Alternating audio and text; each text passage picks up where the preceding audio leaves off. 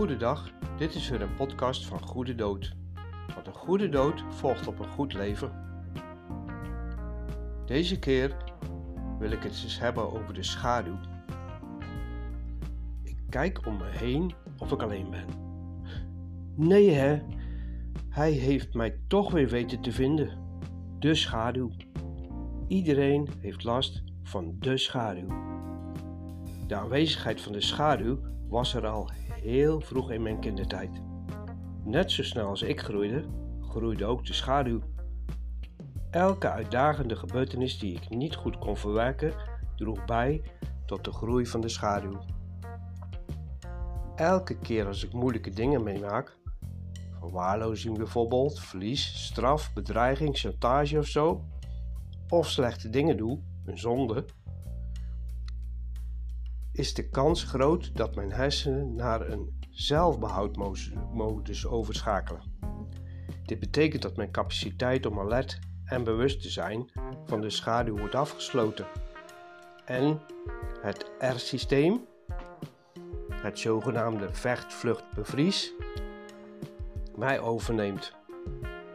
Het afsluiten van de hogere hersensystemen in mijn lichaam is een beschermingsmechanisme ter overleving. Maar het creëert ook wat we trauma noemen. Trauma is eigenlijk alles wat we meegemaakt hebben in ons leven waar we niet in staat waren om het op de juiste manier te verwerken. De overblijfselen worden door onze geest onderdrukt door het onderbewuste. Zodat we weer verder kunnen gaan. Maar ze zullen ook bepalen wie we zijn, ons karakter en hoe we ons gedragen. Heel veel mensen weten dat niet bewust. Want als je het namelijk wel bewust weet dat de schaduw ook achter jou aan zit, dan zou er geen schaduw meer zijn. Denk echter maar niet dat de schaduw jou niet op het oog heeft. De effecten van de aanwezigheid van de schaduw zijn vaak wel zichtbaar in onze driedimensionale realiteit. De schaduw krijgt steeds meer invloed op de manier waarop we in het leven staan. Als je slechte keuzes maakt of zondigt in de realiteit van het leven, dan zijn dit gevolgen van de invloed van de schaduw op je eigen innerlijke leven. Ook volgens de wetenschap is alles in het universum verbonden. Ze noemen dat ook wel eens het butterfly-effect.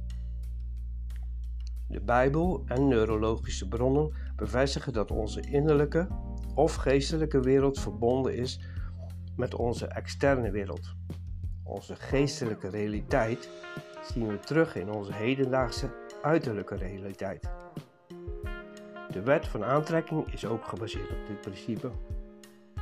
Hoewel we ons niet bewust kunnen zijn van de invloed van de schaduw, oefent hij zoveel mogelijk invloed uit op wie we intern zijn.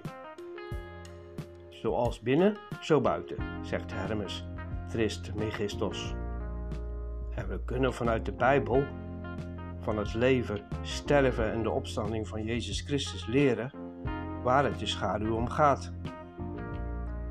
En als we ons door zonde beschadigde leven aan Jezus hebben overgegeven, hebben we zo een krachtige medestander om de schaduw tegemoet te treden, onszelf van de schaduw te bevrijden door te pleiten op het bloed van Jezus en de bestemming van ons leven te beïnvloeden, te wijzigen van hel naar hemel.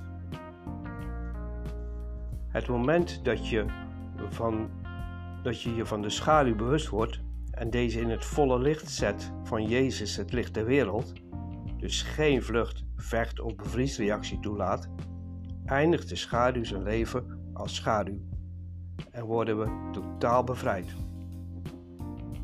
Een voorbeeld. Robert de Rebel. Robert werd gedomineerd door zijn vader en werd een pleaser van de schaduw, een rebel.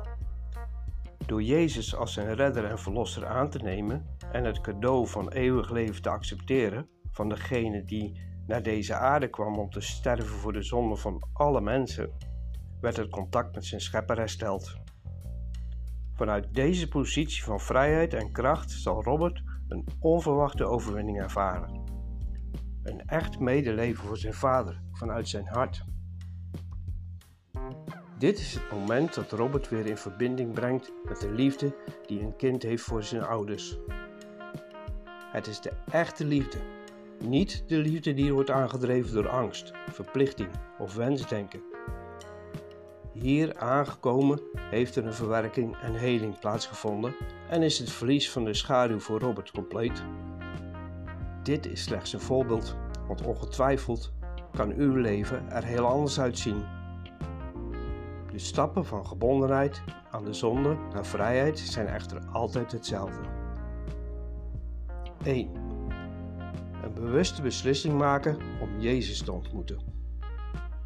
2 de ontmoeting voor de volle 100% aangaan. 3. Geef toe dat je door te zondigen de schaduw de macht over je leven had gegeven. 4. Laat Jezus toe om je te vergeven en word, slachtoffer, van slachtoffer overwinnaar over de zonde. 5. Geef je over aan de liefde en leiding van Jezus voor de rest van je leven. Ga dus nooit meer terug. Nou, dit was weer de podcast van Goede Dood. Ik hoop dat je het leuk vond. Like het en tot de volgende keer.